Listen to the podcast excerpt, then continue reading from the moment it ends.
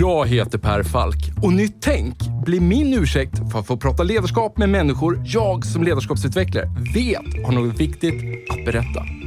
Och med tio avsnitt per säsong, varannan vecka, gräver vi därför ner oss i tekniker, principer och synsätt för att vi ska sätta fingret på vad som kännetecknar det ledarskap vi alla behöver se mer av. Och för att få de här samtalen att hända så har vi sponsorer. Först och främst min arbetsgivare Mindset där jag och mina kollegor tar fram både små och stora ledarskapsprogram som skapar de nya beteenden som behövs för att få er strategi att hända. Allt handlar om att noga identifiera moments that matters. Samt Promote, som är den självklara digitala plattformen för dig som vill skapa effektfulla lärresor och ett mätbart resultat i verksamheten. Och om ni vill ge era nya medarbetare en riktigt bra introduktion med en välkomnande och effektfull onboarding så tycker jag ni ska kontakta superproffsiga Induction. Ni hittar såklart länkar i avsnittsbeskrivningen. Nu hoppar vi in i samtalet. Enjoy!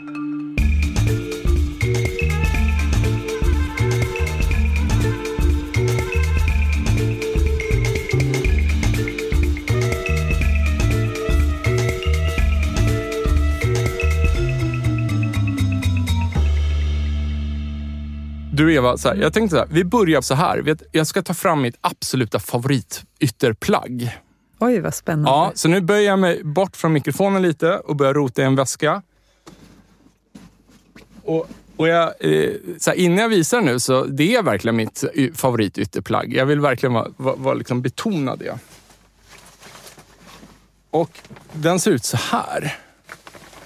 Ah, men gud vad kul. Ja, vad, vad, är det jag, vad är det jag håller upp? Det där är våran One Parka, heter den.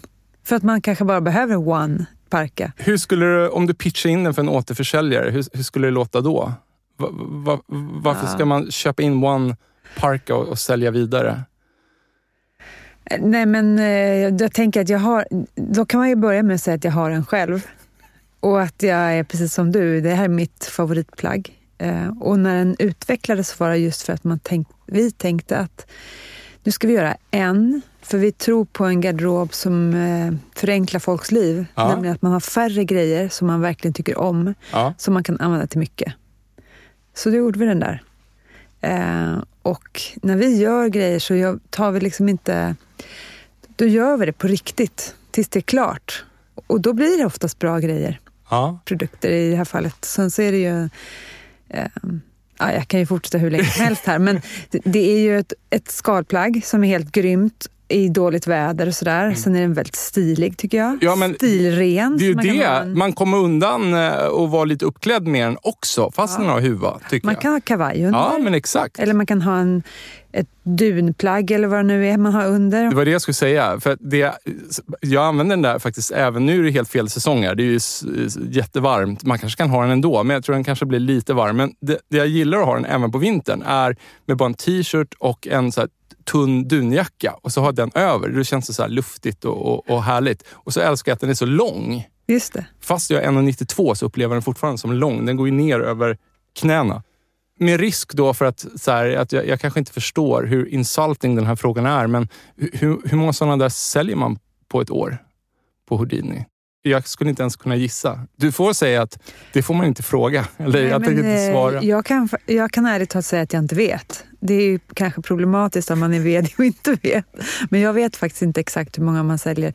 Men eh, vi är fortfarande ett nischvarumärke och även om vi finns i Japan och är nästan lika starka och stora i Japan som vi är här i Sverige, och så finns vi i Tyskland och USA och Norge givetvis och lite sådär, så är vi fortfarande ett litet och ett nischat varumärke. Så att du- är, gans, du är en, liksom en, eh, inte en exklusiv skara, det låter ju töntigt, men vi gör inte speciellt många per år helt enkelt. Nej. Eh, De är ju inte så, man får ju investera i dem också. Det är ingenting man shoppar loss på och sen så byter ut efter en månad och det är inte heller tanken. Nej. Men, men, men kanske mindre än tusen i alla fall, och, Ja. men mer än 300. Ja. Vilken, vilken är storsäljaren? Det där är en av storsäljarna. Det är en av storsäljarna. Ja, jag hade gissat på era så här, uh, hoodieflisar. ja, men det har vi. Den är också jättestor. Vi hade en tysk au pair som bodde hos oss för en tid sedan. Ja. Till och med hon, hon visste inte vad houdini var, men hon reagerade i Nacka på att alla gick runt med samma hoodie. Oj. Och då måste ju det vara en, en stor säljare. Ja. Kan det vara ett varumärkesproblem när, när för många börjar liksom... ja, det kan det nog vara. Ehm, vi, upp, vi upplevde väl det varumärkesproblemet hos andra för länge, länge sedan. Ehm, och vi, tänk, vi tänkte att vi skulle åtgärda det på ett sätt. För vi, man gillar liksom inte att känna sig som en färgkoordinerad eh, armé. Vare sig man är i stan eller i fjällen. Eller, och, och då kunde det vara så att man kom upp efter en, man hade turat. Så man är en väldigt liten skara och så kommer man upp till liksom en fjällstuga där man ska sova över. Och så har typ alla samma jacka men också samma färger Ja. på samma jacka. Ja. Då, då, då blir det liksom Och hur, lite trökigt tycker jag. och, och hur, lö- hur löser man det då, från ert perspektiv? Ja, men vi har löst det genom att göra väldigt små serier av, av många färger. Mm, mm, Så jag tror att många känner att man har hittat sin absoluta favoritfärg. mm. Vi har ganska så bra... Vi har varit ett öppet företag från början. Vi, får, vi har väldigt mycket dialog med kunder. Och, sen, och Det beror delvis på att vi har haft, för, vi har haft som liksom vision om att vi vill bygga relationer och inte bara göra transaktioner. Mm. Och Sen blir det automatiskt, eftersom vi jobbar med reparationer, den där jackan som du har, nu har inte du haft den så många år. Men, Nej, men ett om- år kanske bara. Ett år, Ja. okej. Ja. men om du har haft den fem år så kanske du vill eh, fixa någonting på den. Du har varit med i, du kanske åkt skidor och råkat paja den eller återimpregnera och du vill inte göra det själv. Då, då kommer du tillbaka till oss. Och det, den där tjänstifieringen som vi har jobbat med sedan 2012, den gör ju också att man kommer tillbaks. Hoodiesar till exempel. Det är många som kommer tillbaks med hoodiesar som de behöver hjälp med som är mer än tio år gamla. Så då tänker jag att, och de är välanvända kan jag ju säga. Så då tror jag att eh, i Nacka så kanske man känner sig nöjd med att man har sin hoodie ändå, trots att många andra har den. Bevisligen. Du, Eva, om man liksom då, vi, vi, vi zoomar ut det. Jag har, har faktiskt några fler frågor om, om Houdini som, som företag här. Eh, Men om vi bara zoomar ut och sen så säger man så här, man vet ingenting om dig eller Houdini. Mm. Hur skulle du beskriva, vem är du till att börja med? Jag, jag, är, jag är född och lever i Stockholm. Älskar den här magiska staden. Ehm, jag har bott i skärgården och jag bor nu i Nacka bland alla, ehm, bland alla andra hoodieägare. Ehm, jag har två barn och en sambo och, älskar naturen. Jag brukar tycka, tänka att jag har varit en ganska jag har varit ganska äventyrlig i mitt liv. Eh, på, ehm, gjort mycket spännande saker. Jag är inte äventyrlig när det gäller mat. Det är någonting som irriterar mig lite. Men hur som helst. Sen, är, sen ehm, älskar jag mitt jobb och det beror inte på att jag är VD och har tänkt att jag skulle bli VD utan jag älskar naturvetenskap och ehm, att förstå liksom, processer i naturen som man kan använda sig av i näringslivet. Jag älskar vackra ting. Naturen är det vackraste jag vet, men med inspiration från naturen och annat, eh, kultur också förstås, så älskar jag produktutveckling och göra vackra produkter som folk älskar och som gör att folk kan komma ut i naturen. Ja. Och sen så jobbar jag tillsammans med fantastiska människor, så jag, jag känner mig lycklig, lyckligt lottad på så vis. Hur skulle du beskriva, eller så här, vad, vad gör du allra helst i naturen då? För att maximera energi, liksom eh, återhämtningen. Ja, bara vara i naturen är någonting som jag tänker är ett tips, tror jag. För det är så lätt att man tänker att nu ska jag ut i naturen och så ska jag ha med mig pulsklockan och så ska jag dra ut och så ska jag slå mitt eget rekord eller vad det nu är. Eller man ska göra den där topp, ta den där toppen och man ska göra det snabbt och sen, ja, du vet. Prestation liksom. Men att göra tvärtom, eh, det är magiskt. Så att man, att man kommer in liksom i ett annat, eh, i ett annat mode. Där man kanske är, är lika mycket med sig själv som i naturen. Och det blir liksom något annat än det här lunket och stressen som man kanske har till vardags. Ja. Den tänker jag att det är ibland så lätt att ta med sig ut i naturen. Jag, Men- ko- jag kom på, nu, för, förlåt, nu gick jag in och, och bröt det där, men jag kom på mig själv här, eh, lite mer än ett år sedan kanske, att jag, jag alltid när jag var ute och gick en skogspromenad skulle alltid lyssna på en podcast. Och, och det blev liksom inget bra. Det blev liksom lite för tvångsmässigt att någon känsla av att effektivisera tiden. Mm. Eh, så där liksom tog jag ett målmedvetet beslut att liksom inte göra någonting annat än att just gå en skogspromenad. Häftigt. Jag, jag har tänkt samma sak och man har så mycket som man vill lyssna på och mycket man vill läsa och tiden räcker liksom inte till. Men precis det där, att komma ut i naturen och, och låta sig liksom bara försvinna i det. Eller bli ett med det. Det är skitcoolt. Och om det är någon nu som inte mot förmodan skulle känna till varumärket Houdini, hur skulle du beskriva det då? Houdini är ju ett svenskt outdoor-varumärke. Så, och så har, har vi haft en vision som handlar om att skapa alla de här produkterna som möjliggör magiska upplevelser där ute. Om det nu är en skogspromenad med sin hund i Stockholm eller om det är att liksom segla över ett hav eller bestiga en topp eller vad det nu är. Alla de här på, på alla olika nivåer. Alla de magiska upplevelserna i naturen man kan, som man kan få.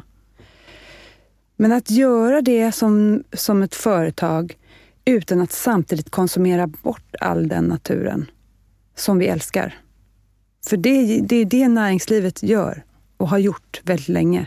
Och om man tänker sig att man kan inspirera till det här eh, aktiva livet som vi upplever som liksom magiskt. Om man, kan, om man kan göra det, möjliggöra det för fler och samtidigt se till att göra det och samtidigt ha, hela det, liksom det ekosystemet av människor som är våra kunder och våra leverantörer bidrar till positiva värden i världen istället för att belasta världen. Samhället, planeten, individer. Hur gamla är, hur gamla är ni? Vi fyller 30 nästa år. Ja. Vilka marknader? Du nämnde ju Ja. det, Big in Japan. Ja, det är, precis. Det är, vi har jobbat jättelänge i Japan, men vi är störst i Sverige. Ja, det, det, är for, det är fortfarande... Jag tänkte så Ja, att du skulle säga så. Tyskland kanske där, liksom, att det hade växt om oss. Liksom. Nej, De gillar men, ju men svenskar Vi växer och- så pass fort Ja. i Japan, Tyskland och USA så att det kommer väldigt snart vara så. Men vi är fortfarande lite större i Norden.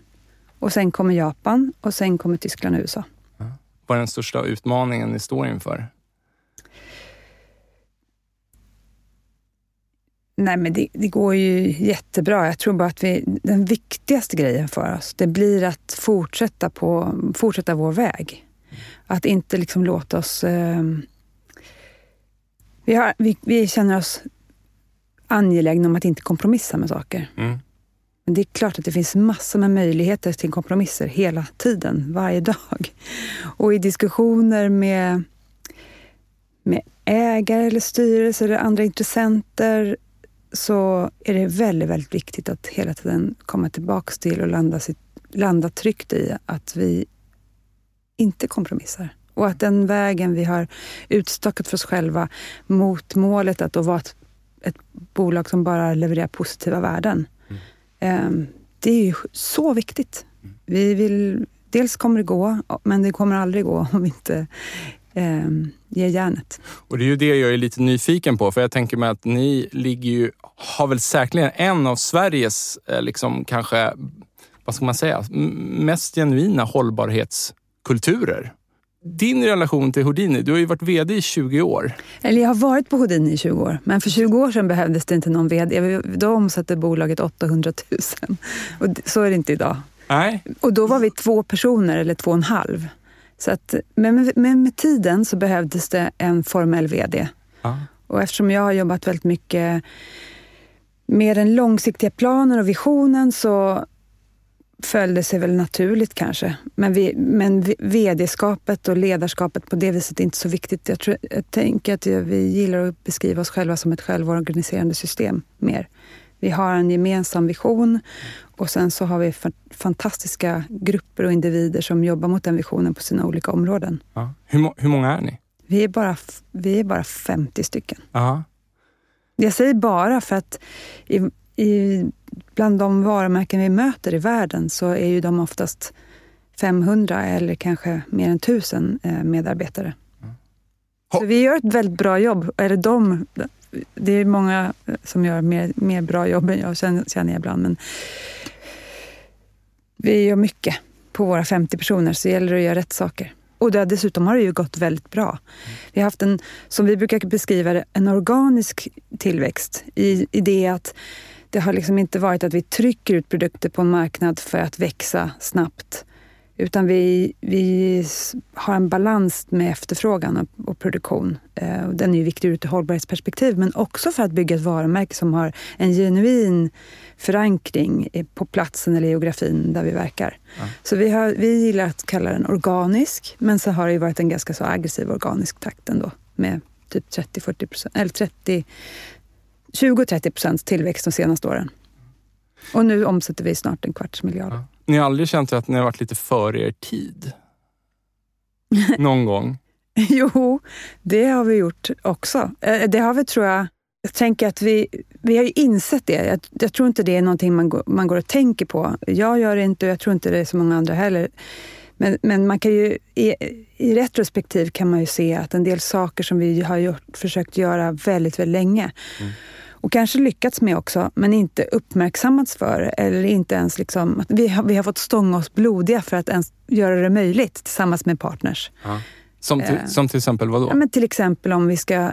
Ett, ett fantastiskt material, men som är linjärt. Så att en vacker dag så kommer det bli sopor. Mm. Men om man designar det lite smartare, förändrar bara några komponenter, så blir det cirkulärt. Det vill mm. säga resursen kan fortsätta vara en resurs mm. istället för att bli avfall att övertala en leverantör till mm. att gå in i det innovationsprojektet, det kommer kosta dem pengar och tid och bla bla bla. Det var ju jättesvårt för 20 år sedan. Men vi gjorde det och vi lyckades. Ja. Idag är de enormt tacksamma eh, och har liksom fortsatt den innovationsresan med oss. Men det är klart att det var jättesvårt. Och i retrospektiv då, när man tittar tillbaka, så inser man att vi har haft lite motvind. Men vi har struntat i den motvinden och, och bara envist tuffat på. Så hållbarheten har varit eh, liksom kärnan i verksamheten då, från, från första stund? Eller, eller har det gradvis nej, det har förstärkts? Varit, nej, det har, det har nog varit, eller det har varit helt och hållet centralt. Men det är inte det enda vi håller på med. Vi, vi pratar ju om det här med vackra ting. Ja. Vi har ju liksom velat... Vi, vi, det är inte så att vi fokuserar på det dåliga i världen och tänker att det måste vi minska ner, utan vi tänker att det finns ju allt det här magiska i världen. Mm. Hur ska vi kunna förstärka det, möjliggöra det för fler, se till att inte samtidigt som vi gör allt det här härliga, förstör det som vi egentligen tycker är fantastiskt som naturen. Alltså, så det har varit ett positivt mindset där man liksom löser utmaningar och koncentrerar sig mer på vilka möjligheter det finns att göra saker smartare. Låt oss göra det. Om vi börjar där då. Så, här, så vad är hållbarhet för er? Eller för dig? Ja, det, är, det är så mångfacetterat och jag tänker att det är just det som är så viktigt. Om, det ska, om man ska lyckas med hållbarhet så går det inte att tänka att jag ska titta på det här. Jag, nu ska vi koncentrera oss på det här hållbarhetsmålet, typ FNs hållbarhetsmål. Det finns 17. Mm. Om, man, om man väljer ett då är det väldigt svårt att åstadkomma hållbarhet. För man måste förstå vad allting har för påverkan på helheten. Och då, när vi tänker helhet så tänker vi planeten och biosfären, det vill säga det livsuppehållande systemet som, vi, som gör att vi, vi finns här mm. och kan leva och gör livet magiskt. Sen är det samhället, alltså globala samhället och lokalsamhället och sen är det individen. Och, och allt det måste inkluderas. Och när man tänker biodiversitet så handlar det ju om växter och ekosystem, men det är också liksom vår familj. Alltså vår extended family i form av andra arter. Det är inte bara resurser för oss att välja att, att låta liksom stå eller att konsumera, utan de har ju lika mycket rätt till den här planeten som vi. Den liksom, det, det sättet att tänka har vi kommit väldigt långt ifrån i västvärlden. Där vi har liksom helt och hållet främ, främ, fjärmat oss från naturen. Och vi tänker att låt oss komma tillbaka till det. det, då blir det ganska svårt med en del saker. Till exempel, ska vi hugga ner det där trädet för att göra någonting, någon produkt av, av, av träråvaran?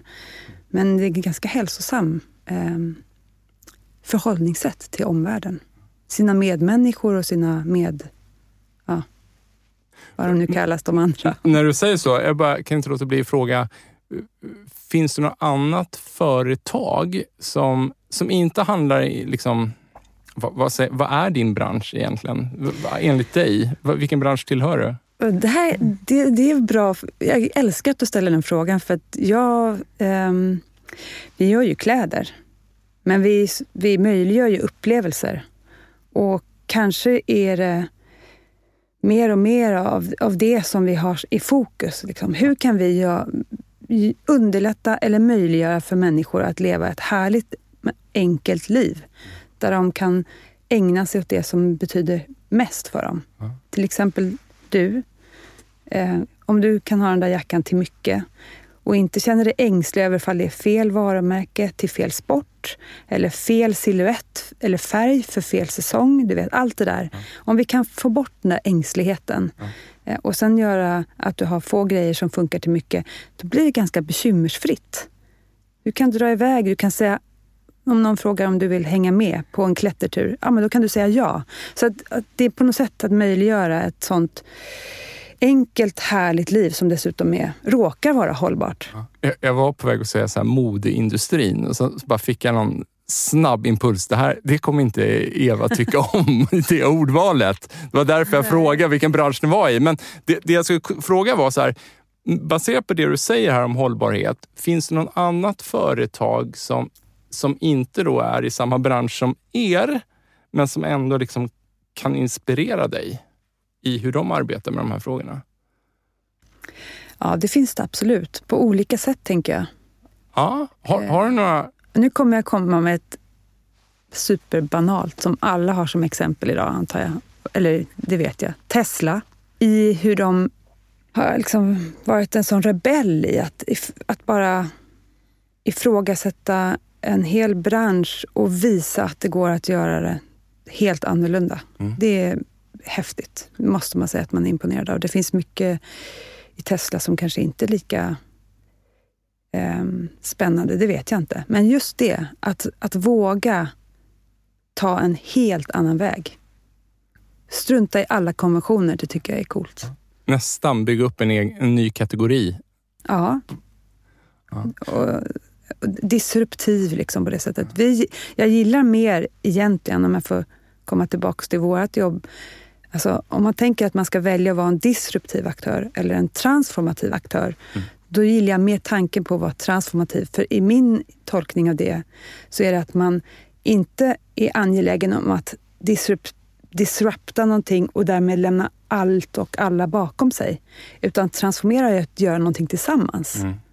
Eh, och det är det vi behöver göra. Nu har open, de, de, har väl en del open source och så vidare, mm. Tesla. Så att, eh, till viss del så kanske de är mer transformativa än disruptive. Men, om... men det, disruptive är ju ett väldigt så här, modeord. Och jag tänker att det, det handlar mycket om det här uh, gammeldagsa, att man är en rockstjärna som löser alla problem. Men det löser inte några problem. Det kanske måste vara någon som ligger i framkant och tänjer gränserna. Men vi måste inse att alla sen måste med. Det är samverkan och att förflytta helheten som är det viktiga.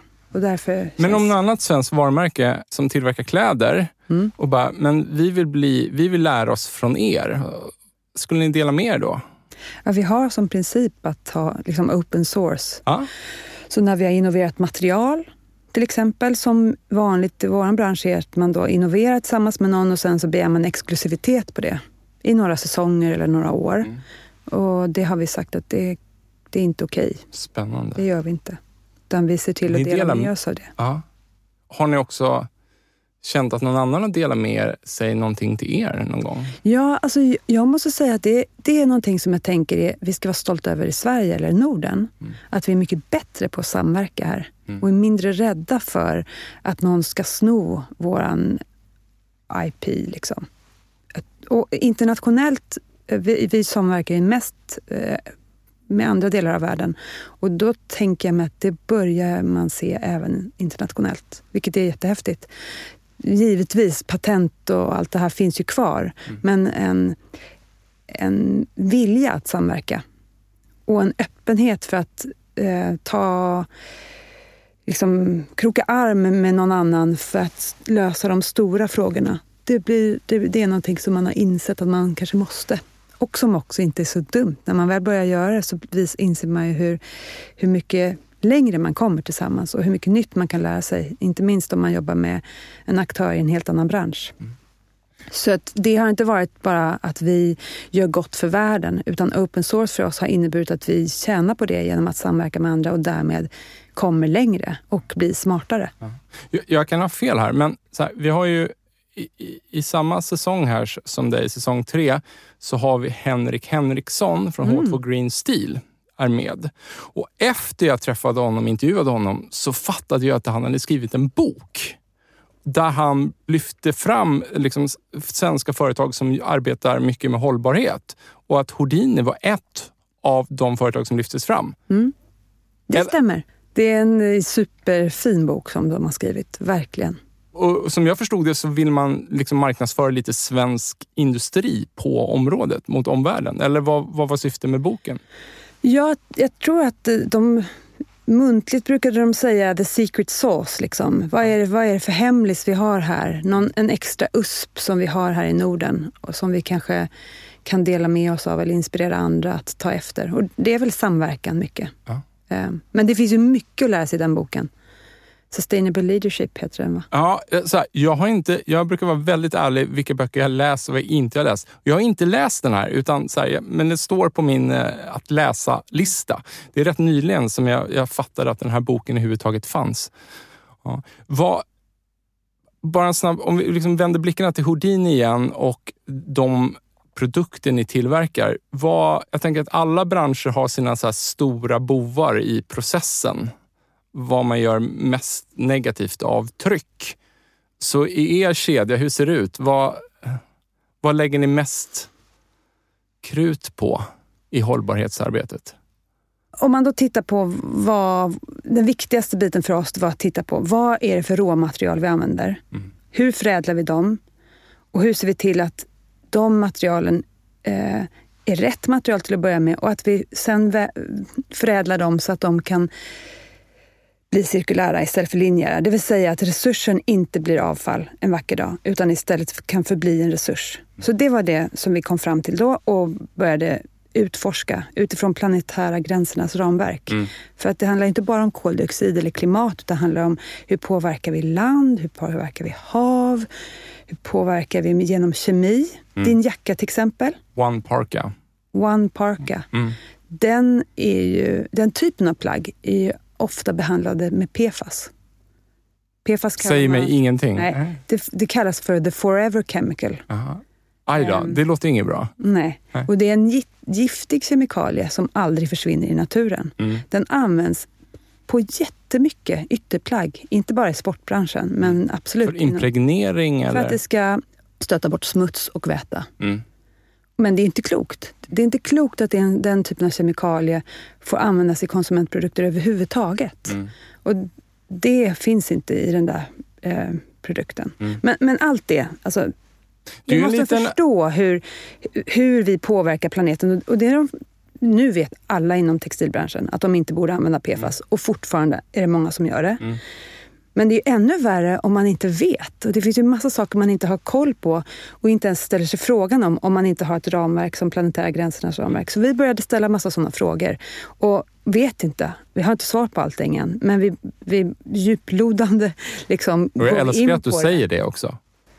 Att, vi inte vet, alltså att, att man säger så här, vi, vi vet inte var, var, det kommer, var det kommer sluta eller vi har inte alla svaren. Nej. För ibland så ställs det så stora krav. När man börjar trumma på någon kommunikationstrumma så liksom eh, gör man inte det förrän man har alla svaren. Men då är det förmodligen också för sent mm. eller liksom, då är det orelevant. Eller så låtsas man vara tvärsäker fast man inte är det. Mm. Eller... Nej, det där, är, det, det där är också ett spännande spår tänker jag. För att likväl som ett bolag idag inte kan sätta en femårsplan, så som, är, som en motorväg rakt fram och veta alla momenten på den resan. Det kan vi inte göra idag. Det finns ju en komplexitet som är mycket högre idag än den var förr. Och det finns en teknologisk utveckling som är mycket kraftfullare än förr och så vidare och så vidare. Och massa osäkerhetsfaktorer i världen, miljö och klimat inte minst. Så att man måste nog känna sig trygg idag med att inte ha den där rigorösa femårsplanen. Utan sätta tydliga mål för vad man ska nå och sen så hitta vägen dit under vägen. Mm. Det tänker jag är en grej som ledare, att man kanske inte är så bekväm med Nej. att inte ha alla svaren. Men om man tror sig vara ledare genom att ha alla svaren, så idag så tror jag inte man lyckas. Liksom. Vad jag hör när du berättar är egentligen med mina ord, då, det känns ju som att så här, du pratar ju om att göra saker tillsammans eller liksom förändra en industri, dela mer. Och det känns ju som att, så här, att även fast ni då rent legalt får använda vissa typer av ämnen eller vissa typer av liksom textiler eller hur man nu ska uttrycka sig, så väljer ni liksom själva att ha ja, men, hårdare regler än branschen generellt för att tvinga branschen i en viss riktning. Ja, eller inspirera, eller inspirera. inspirera är väl ett bättre ord. Mm. Ja. ja. och för att sova gott om natten själv. Ja. Så det är en egoistisk handling också. Verkligen. Um, och dessutom så behöver man inte liksom kompromissa med med produktens egenskaper. Utan allt det här går. Vi behöver bara lägga lite större engagemang och ha lite högre kunskapsnivå. Mm. Eller kroka arm med någon som kan mm. för att åstadkomma det som går att åstadkomma. Mm. Det, det, är väldigt hoppfullt att det finns så mycket vi inte har gjort fastän vi kan om vi vill. Och, och om jag säger så här att, att om man jämför att Houdini är ett svenskt Patagonia. Är det, är det bra eller dåligt? Nej, men eh, Patagonia är ju en fantastisk kollega i vår bransch. Så det kan man väl säga är bra. Men sen så tänker jag att vi är, jätte, vi är jätteolika varandra också. På, på vilket sätt då? Nej men, eh, ja, design, estetik och, och, och de bitarna är ju en sak förstås. Men, och, och sen också kanske det här med att eh, om jag beskriver oss eh, så kan, då kanske du tänker att det är ju ganska likt Patagonia, men då, då är det okej att du tycker det. Men om jag, om jag beskriver oss, för jag vill inte skriva, beskriva Patagonien. Nej, men, och, och, jag kan beskriva... man ska vi, inte, äh. vi, vi, har, vi kommer från Stockholm.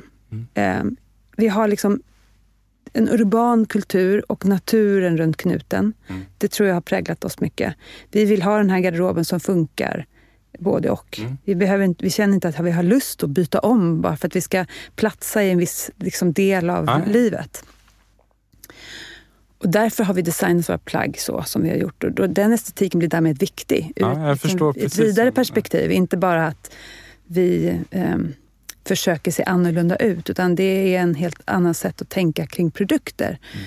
Verktyg för ett aktivt liv, typ. Mm. Um, och sen har ju vi länge i, sam, i linje med det så har vi också utforskat liksom nya affärsmodeller och nya sätt att tillgängliggöra plagg eftersom våra är ganska så dyra att köpa. De mm. blir inte dyra när man tänker på hur många gånger man använder Nej. dem till slut. Men de är ändå dyra när man ska investera pre, i dem. ett premiummärke. Ja. Mm. Och hur kan man då se till att det inte bara blir de som har råd eh, att liksom bestämma sig att äh, men jag köper en plagg, ett plagg som är dubbelt så dyrt för den är, den är finare i färgen eller vad det nu är. Utan hur ska vi då kunna göra så att det är tillgängligt för fler. Men, uthyrning har vi hållit på med sedan 2012. Mm. Mm -hmm. Det har jag missat totalt. Och då, ja. Om man tänker sig att man har det där plagget så kanske man inte behöver uthyrning. Men ja. om man är en familj som åker skidor, ja. åker skidor en vecka per år, då är det ju perfekt. För då kan man istället för att köpa någonting som är dåligt och hänger i garderoben mestadels av tiden, mm. så kan man ha någonting som är väldigt bra till samma peng eller en lägre peng. Mm. Eh, och dessutom blir det resurseffektivt för världen. Så smart på alla sätt och vis. Så rental eller uthyrning har vi haft och samma sak second hand har vi jobbat med som en del av vår affär också sedan 2012. Mm. Nu börjar hela branschen titta på det här, mm. inklusive mm. Patagonia. Mm. Men, men så vi har haft ett annat sätt att tänka. Sen har vi också varit, som sagt, kompromisslösa. Mm. Och det ser jag faktiskt inte eh, hos någon annan någonstans Nej. i vår bransch. En, jag, ja. jag tänkte på en sak. Eh, det som kanske jag tycker är det liksom den största utmärkande är hur vi skiljer oss Mm. mot många andra, och inklusive Patagonien. Det, vi har tänkt så här att om man ska vara en aktivist Mm. eh, i positiv bemärkelse för att förändra, Mm. då måste man förändra sig själv först. Mm. Om man har tid och peng att göra förändringen någon annanstans också, eller supporta andra som jobbar på i regnskog eller ja, du vet, en NGO, då är det super. Men om man inte också gör allt man kan och lägger all sin energi och sin peng och sin kraft på att förändra sin egen kärnverksamhet, då, tror, då tycker inte jag att man riktigt gör det man borde göra. Och där har vi varit stränga mot oss själva i att inte hoppa på liksom, eh, något härligt projekt vid sidan om, utan verkligen vara ärliga internt, liksom, för att verkligen ställa om våran kärnverksamhet. Hade ni kunnat röra er framåt snabbare historiskt sett om ni inte hade varit så hårda mot er själva? Ja, det, det kan man ju undra över. Det undrar jag också. Jag, jag, jag tror att vi hade säkerligen kunnat vinna några liksom, kortsiktiga strider eller vi hade kunnat växa lite snabbare om vi hade tagit någon genväg istället för att jag lägga kraft på att skruva från linjärt till cirkulärt eller testa det där nya materialet en gång till eller screena det mot planetära gränsernas ramverk. Ja, det kanske hade hänt någon gång. Men vår resa som helhet eh, med att, att vara så starka som vi är i Japan eller lyckas till viss del på den amerikanska marknaden utan att liksom utan att satsa massa pengar på att just nå den amerikanska marknaden. Det har skett av sig självt. Mm, mm. Och att vi har med våra 40-50 personer fått en sån prominent position internationellt. Det, det hänger ihop med att vi har gjort det kompromisslöst och att vi förändrar i kärnverksamheten. Och jag tänker att nu och framåt så finns det en snabbt växande skara människor, unga inte minst, som har kapacitet att se igenom välpolerade yttre skal av bolag, utan verkligen tittar in närmare. Kommunikationen måste liksom, det måste finnas någonting bakom kommunikationen. Ja. Det går inte att bara kommunicera fernissa längre. Nej. Tack. Precis så. Det, det går inte. De är för smarta, den nya generationen. Det är underbart. tror jag. Jag kommer på så många nya frågor. Du får ursäkta att jag hoppar lite, men, men det, det väcker så många nya tankar. Jag måste bara fråga så här. Du, när du nämnde så här, kommer in på den amerikanska marknaden. Om ni märker på en marknad att så här, hmm, det tar sig inte riktigt. Vad är det man har emot era plagg då? Vad är det som liksom inte lirar? Ja, men jag, jag tror bara att det är... Alltså det finns så otroligt många varumärken. Det finns så mycket produkter. Så att det handlar väl liksom om att bara komma igenom i flödet. Mm. Och att hitta rätt. Hitta våra användare. Det är inte meningen att vi ska vara perfekta för alla, tror jag. Att det finns rum för massa olika varumärken. Men, men hittar vi rätt så vet vi också att det funkar. Och det, det funkar ju i Japan likväl som i USA. Men sen så har inte vi så stora marknadsföringsmuskler så att vi lyckas. Nej, men jag tänkte du nämnde ju så här att kraftfullt era rötter ligger i Stockholm och Mm. liksom det urbana och sen så liksom ja, naturen precis utanför. Och därmed så, så är det outdoor, eller ur mitt perspektiv, jag tänker ju på er som outdoor-märke, men sen så finns det väldigt mycket, återigen från mitt perspektiv nu, hur jag ser på er, ett outdoor-märke, men så finns det väldigt mycket de där urbana influenserna som gör att, som jag, som jag sa innan, jag känner att jag kommer undan med att kunna ha min one parka med en kavaj under ändå. Liksom. Men då tänker jag så här att det är kanske inte så många städer som är precis på det sättet och att det då skulle kunna vara ett hinder. Nu problematiserar jag sönder ert varumärke kanske. Nej, men det är en bra fråga. Men det, den typen av liv som vi lever här är det ju många som lever i många andra städer. Eh, Man, länk, man är i naturen när man är ledig. Det kanske inte är lika nära som här. Men München är väl ett bra exempel på det. Tokyo till viss del är ett bra exempel på det. Inte alla i Tokyo, men däremot så ehm, finns det ju otroligt mycket folk som är aktiva där.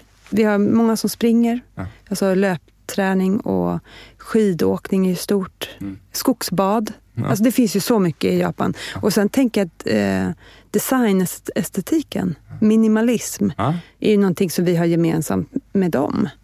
Eh, så helt plötsligt så, så är och nu, nu säger de, menar du Japan? Japan, ja. men att mm. Japan och Sverige är kulturellt ja. ganska nära varandra ja. och geografiskt långt bort. Ja. Så att, och det där finns, jag tänker att inom sporten och inom outdoor, subkulturer eller communities, de ser inte speciellt olika ut varandra, vare sig de är liksom riksgränsen här eller Whistler i Kanada. Det är ganska likt. Man lever likadana liv. Ja, ja.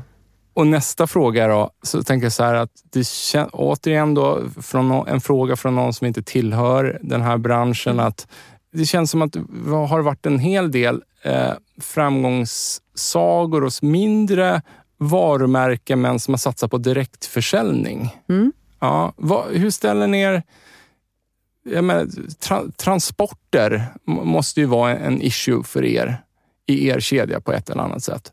Vad är caset? Det, det direktförsäljning är... eller inte? Liksom. Är, det någon, är det någonting som är ständigt pågående diskussion? Ja. Och vi, har, vi jobbar ju med direktförsäljning, e-handel och fysisk butik eh, på vissa platser, men inte... Till exempel har vi, det finns, eh, vi har inga fysiska butiker i USA eller i Tyskland ännu. Och då är e-handel ett problem som vi diskuterar mycket. Och jag mm. tror att många bolag också diskuterar det idag. Pro problem på vilket problem sätt för att vara superkonkret? Problem är att det blir så otroligt mycket transporter. Ja. Och returer? Och, blir, och returer, ja. vi har väldigt låg returgrad och vi gör allt vi kan i teknologi och information och sådär för att minska ner returer. Förstås av flera skäl, men också för att det inte ska skeppa så mycket grejer. Men man kan ju lösa, det finns mycket saker som man kan lösa också på kort sikt. Till exempel att ha lager nära i vår värld till exempel när vi har uthyrning som sagt, rental, det har vi bara i och med att då blir det väldigt mycket transporter. Det är en del av den affärsmodellen att det måste skickas först till kunden och sen ska det skickas tillbaks. Mm. Så då har vi avgränsat för oss själva så att vi möjliggör bara det liksom geografiskt nära. Som i Norden till exempel. Så det erbjuder vi inte i USA.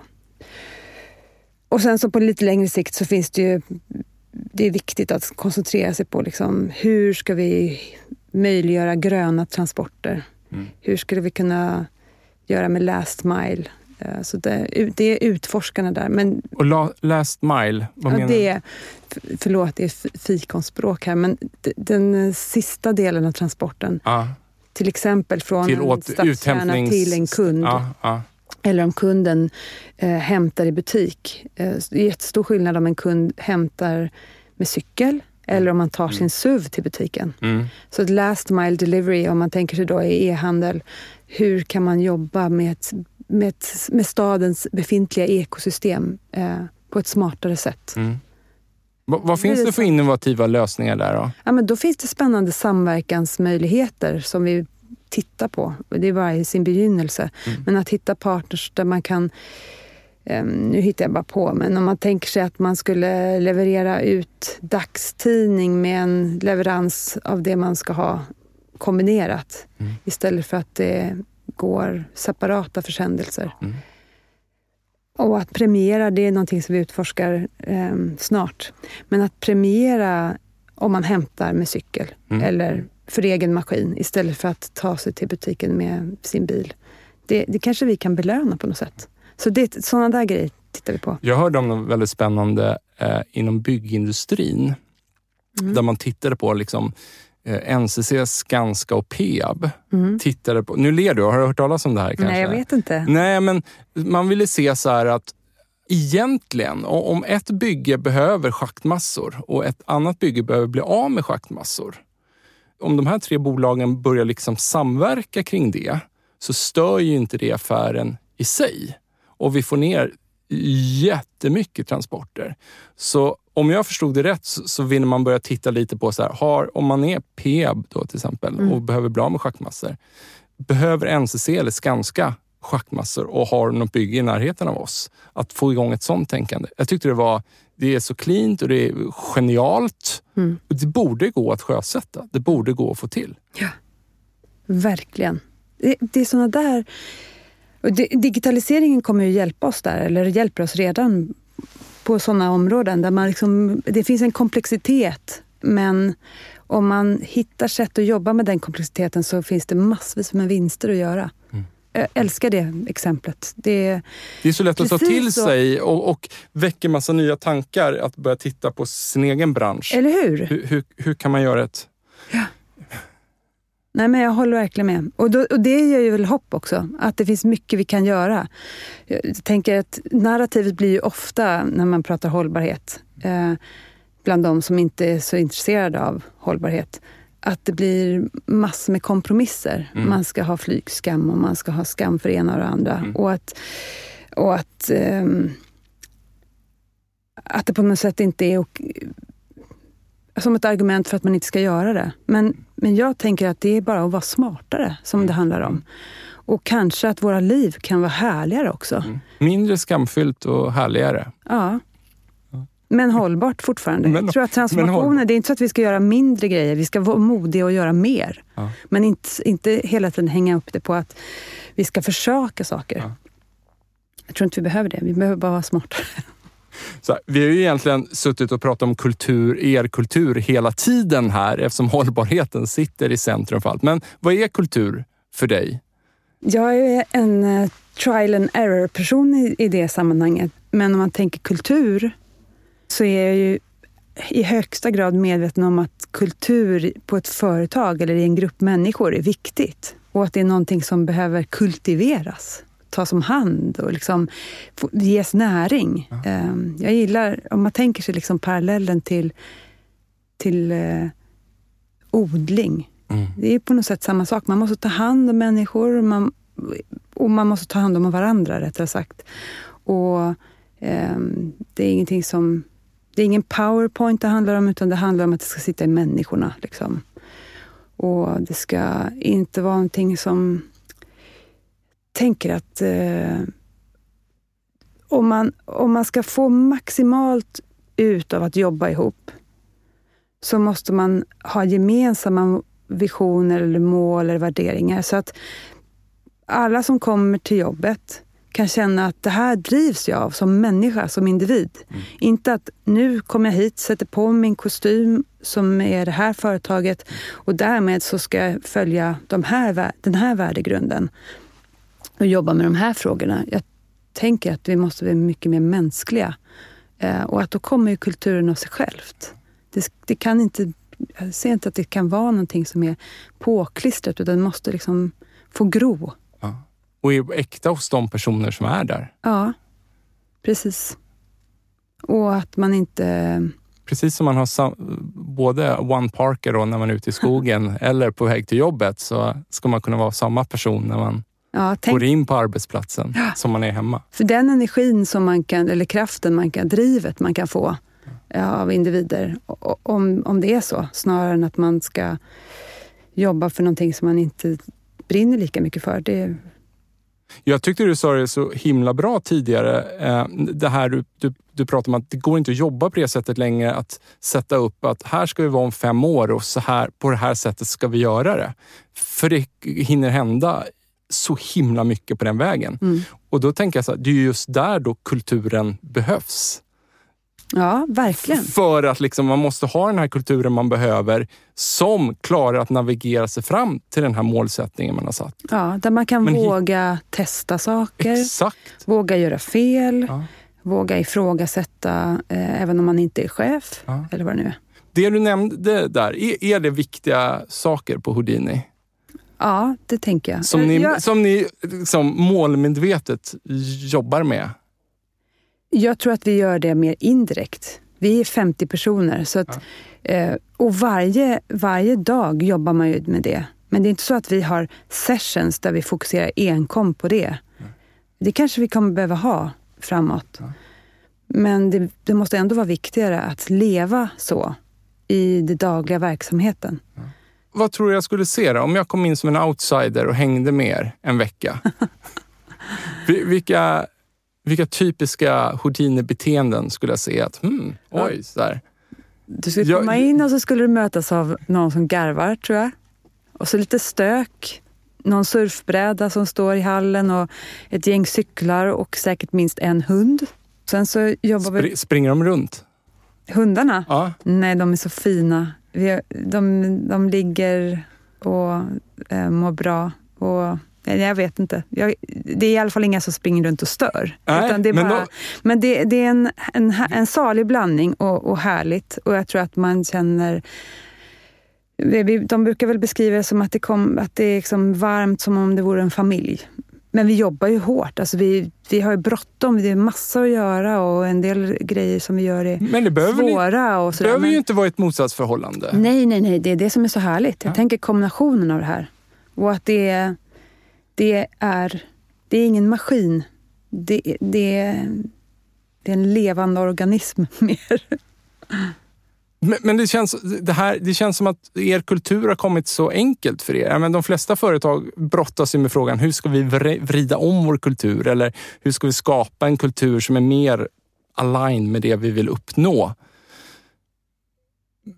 Men för er känns det ju som att den här kulturen har bara gradvis blivit så självklar för er och, och, och bara växt fram. Så att, Ja, men typ, till, ja, så är det verkligen. Eh, och vi, jag tror att vi är stolta och nöjda och trivs med, med den kulturen vi, kulturen vi har. Men eh, det är klart att vi också behöver alltså, se så här, ja, men det finns förändringar som görs antingen av oss eller som sker i omvärlden som vi måste liksom måste förflytta oss eh, kulturmässigt kanske. Alltså att vara mer nyfiken på en, någonting vi inte har behövt vara så nyfikna på förut. för det, var, det var min nästa fråga här. Vilka, bete, vilka beteenden skulle jag inte få se när jag hängde med er? Men, men som, som du som VD känner att hmm, jag skulle behöva lite mer sådana här beteenden här framöver. Ja, men då tänker jag digitaliseringen är en som, som har varit viktig för oss. Och det är klart att det är inte viktigt.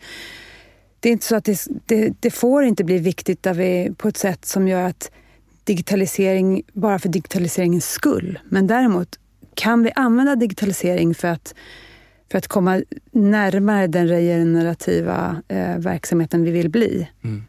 Men då kan vi inspireras och förstå naturen som är det sjukaste, coolaste, kom, mest komplexa systemet som funkar perfekt. Men digitaliseringsverktyg kan vi använda för att bli ännu lite mer lika den coola natur, Ja. det naturliga systemet. Ehm, och då måste vi göra det. Men det är klart att det kanske inte ligger eh, naturligt i alla medarbetare på Houdini att vara intresserade av digitalisering. Nej. Nyfikenheten kanske riktar sig åt vissa håll och så Ja. måste vi se till att vi blir nyfikna på ett nytt område. Ja. Men då kanske vi bjuder in en partner som gör att vi liksom tänder en gnista eh, kring ett nytt område. Så kan det ju vara. Du nämnde förut att ni då kanske ger er in i projekt som känns lite så här, eh, obehagliga på så sätt att oj, här, här blir det liksom något nytt. Liksom. Vad, vad skulle det kunna vara? När, när blir det obehagligt? Nej, obehagligt ska jag inte säga, men det kanske kan vara lite, lite högre friktion än när man jobbar med... Om man jobbar med Naturskyddsföreningen eller samtalar med dem så kanske man har exakt likadana tankar om, om eh, vad man tycker om, vad man bör, bör göra med skog. Ja. Men, men att jobba med ett bolag som, som har skogsnäring liksom, som sin kärnverksamhet, det kanske är viktigt för oss. För vi vill förstå hur vi ska kunna jobba med skogs, skogsråvara i vår verksamhet. Men det är inte lika lätt. Nej. Men det är, det är minst lika viktigt därmed. För att vi behöver ju navigera eh, som företag för att förstå vilken råvara är bra, hållbar på riktigt. Mm. Ehm, och vilken är det inte. Det, det finns ingen risk att, så här, att eh, nu blir det lite provocerande här, men att, att ni som kollektiv börjar tänka att, så här, att ja, men vi är så speciella. Liksom. Mm. Eh, att vi sitter på en sanning här eller liksom, vi, vi är ledande på det här området. Att, att ni blir lite, att man, ja, men lite, jag vet inte, lite tillbakalutade mot omgivningen. Ja, det, men precis. Det där är väl risken. Och därför så behöver man öppna upp och se till att aktivt samverka med... Aktivt Med- utmana sig. Ja, aktivt. Och, därmed, och det gör vi genom att samverka med andra. E- Eller att eh, bara diskutera frågor med andra eller möta andra. Mm. En del saker måste man... Alltså, jag tänker att... ehm, det finns ju komplexitet och det finns liksom vägval att göra men, men jag tror också att det är väldigt viktigt att känna att vår resa är viktig och vi vet att den resan, vi vet inte alla svaren på den resan, men, mm. men att, att näringslivet måste bli en, en eh, näring för liv, inte näring för någon dödsspiral. Eh, det är vi ganska säkra på. Så där kan vi vara envisa eh, och ganska jobbiga när vi jobbar med leverantörer. Men det tänker jag mig att det, är, våra, det är vårt jobb att vara. Hur, hur hittar... Des, när vi dessutom vet att det är så mycket att vinna på att göra det på ett annat sätt. Hur hittar ni rätt personer till det här då, som passar in i det här? Vad har ni lärt er där? Jag tror att man just måste vara nyfiken och öppen. Ehm, för att det finns så mycket att lära och kommer alltid, det finns inte ett, ett färdigt recept. Man måste ha en drivkraft ehm, och vilja vara med och förändra. Det är ett projekt som man måste verkligen tycka att det är kul att kavla upp ärmarna och köra.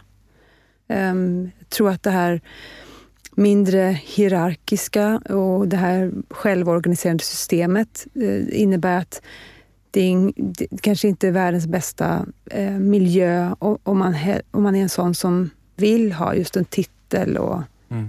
ja.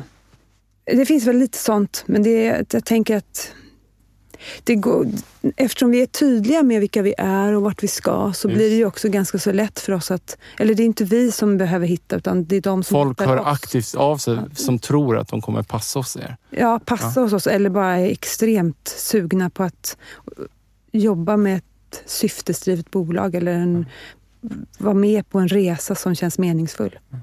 Det tänker jag eh, det är också en jättespännande grej nu i näringslivet. För att påverka, de, vi pratade om alla unga smarta. Mm. Som man är så glad att de finns och ställer krav och sådär. Men det sker ju också inne i bolagen idag. Inte bara bland unga skulle jag vilja lägga till. Mm. Vi ser ju, vi har folk som söker jobb hos oss som har haft världens eh, karriärer och har jättehöga löner men som kanske ändå, eller definitivt ändå, känner att nu, jag vill göra någonting meningsfullt. Mm. Och kanske har pandemin hjälpt oss att få liksom lite tid, ställtid att reflektera mm. och tänka att fasken, är det verkligen det här som är meningen med livet? Att tjäna pengar, jobba som en galning och sen så... Ja. Utan att istället liksom vilja bidra till någonting som...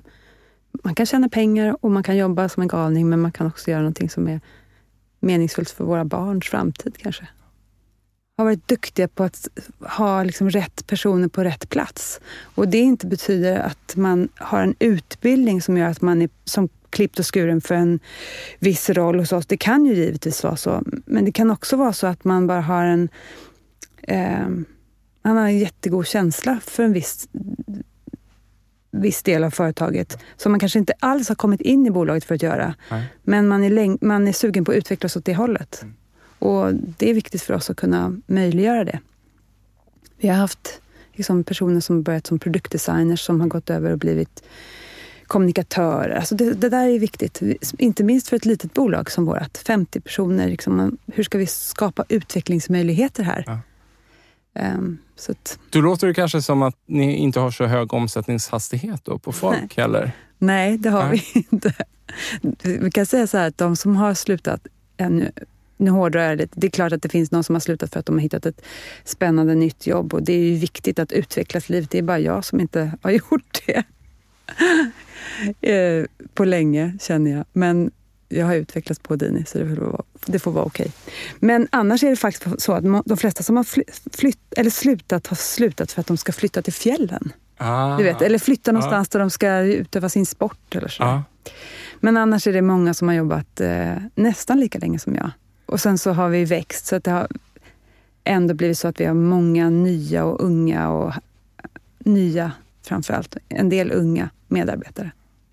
Du nämnde det självorganiserande. Mm. Är det också någonting som det har bara blivit så eller är det en uttalad princip från er sida? Nej, det har, det har, vi har fått det beskrivet från sådana som du, som jobbar med sånt här, ja. att vi är så. Det finns mycket saker som vi har eh, varit väldigt medvetna om att vi gjort. Vår strategi som bolag är väldigt medveten. Men kultur och sättet att jobba och det själva, det har nog blivit mer ut för att vi tänker att, att vi trivs att jobba på ett visst sätt. Men när, när vi nu lär oss saker på vägen, så det här naturen som genialiskt system, det kan vi ju applicera både på organisationskultur, materialinnovation och design, e-handelsflöden, allt. Det är jättespännande att tänka på ja, naturen som komplext system. Mm. Där vi är ett komplext system som visserligen är en del av naturen men har liksom kommit ganska långt bort från. Men hur kan vi koppla oss ihop med naturen igen och hur kan vi härma naturen i att bli smartare? Mm. Men hur kan det se ut i praktiken då? Att det finns någon slags eh, känsla av vad som behöver göras. Och, och, och, och den långsiktiga visionen är ju en del av det, där man har liksom eh, man har, ett, man har en värdegrund och, och man har en, en vision och sen har man en känsla av att man är trygg att köra. Mm. För att man förstår vår värdegrund och man, man identifierar sig med den och man identifierar sig med visionen. Och sen så har man tryggheten i att man är betrodd att köra. Så tänker jag mig att det kan vara lite grann. Men har, fall. jobbar ni mycket med målsättning på individnivå då också? Eller, eller är det teamnivå? Teamnivå. Teamnivå. Ja. Mer. Så vad blir nu nästa stora steg då? För Houdini? För Houdini? Ja. Det är ju att vara det här bolaget som har lyckats designa bort all negativ påverkan mm. och möjliggöra för våra användare där ute att leva ett härligt aktivt eh, liv. Liksom i nära relation med naturen. Stort tack för att du kom Eva. Stort tack för att jag fick komma. Hörni, tack till våra sponsorer Mindset, Promote samt Induction för att ni tror på den här produktionen. Ta hand om er.